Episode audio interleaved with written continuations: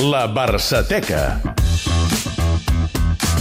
Parlant de bon rotllo, a les 8 i 9 del vespre, no em refereixo a l'Eudal Serra o a l'Eudal Bona Tarda, Bona tarda. sinó a l'objecte, al personatge que centra avui la Barçateca.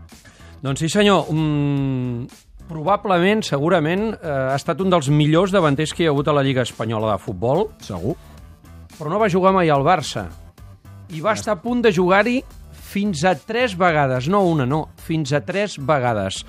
Parlem de Hugo Sánchez, el davanter mexicà, que per qui no el va veure jugar, qui no sabia qui era, eh, va aconseguir eh, quatre temporades a l'Atlètic de Madrid, va jugar set temporades més al Madrid, va guanyar cinc lligues, cinc pitxitxis, una bota d'or, etc etc etc. Però el Barça el va tenir a punt de fitxar-lo diverses vegades. La primera, i segurament la que va estar més a prop, va ser l'estiu del 1984.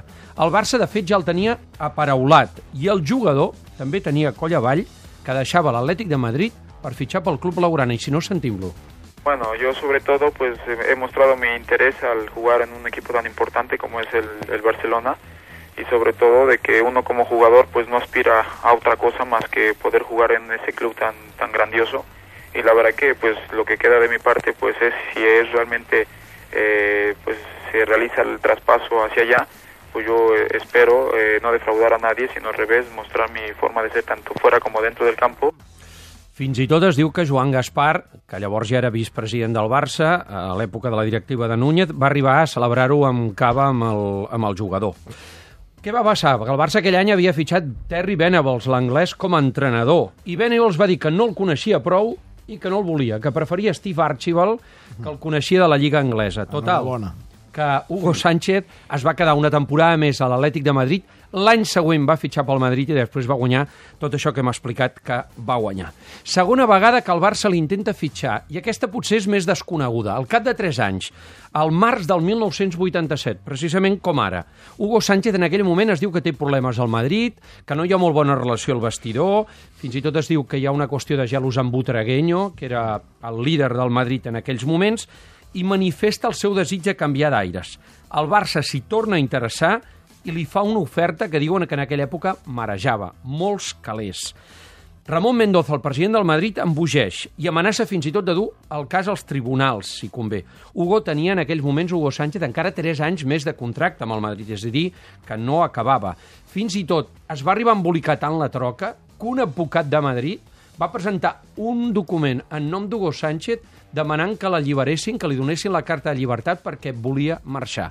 Això ho va desmentir el mateix jugador i el mateix Ramon Mendoza i Hugo Sánchez va continuar jugant al Madrid. el referido requerimiento notarial de este abogado de Madrid que dice actuar en nombre y representación del jugador Hugo Sánchez manifiesta que no tiene poder de don Hugo eh, Sánchez Márquez.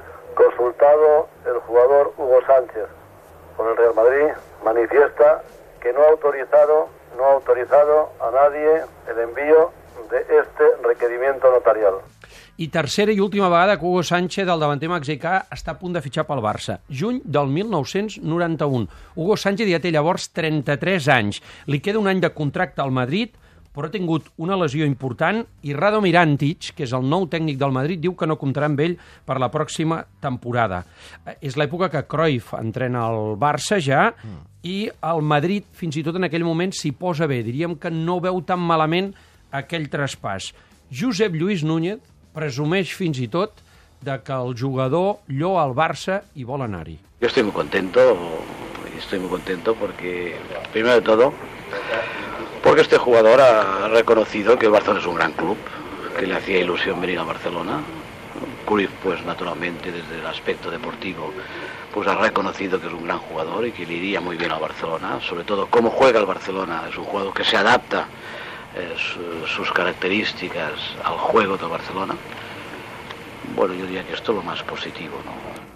Doncs tampoc va acabar fitxant pel Barça. Es va quedar al Madrid a complir aquella temporada on ja va jugar pocs partits, després va tornar al seu país a Mèxic i fins i tot va jugar un any al Rayo Vallecano. Per què no va fitxar tampoc en aquella tercera ocasió pel Barça? Doncs per la pressió mediàtica que va haver-hi sobretot a Barcelona.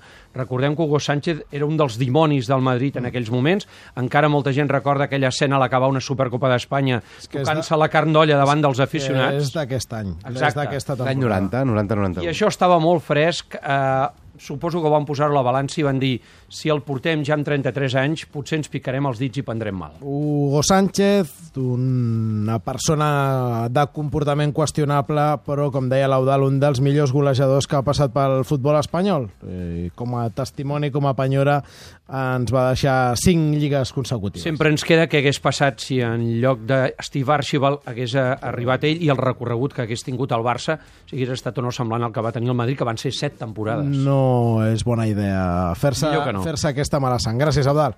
Adeu.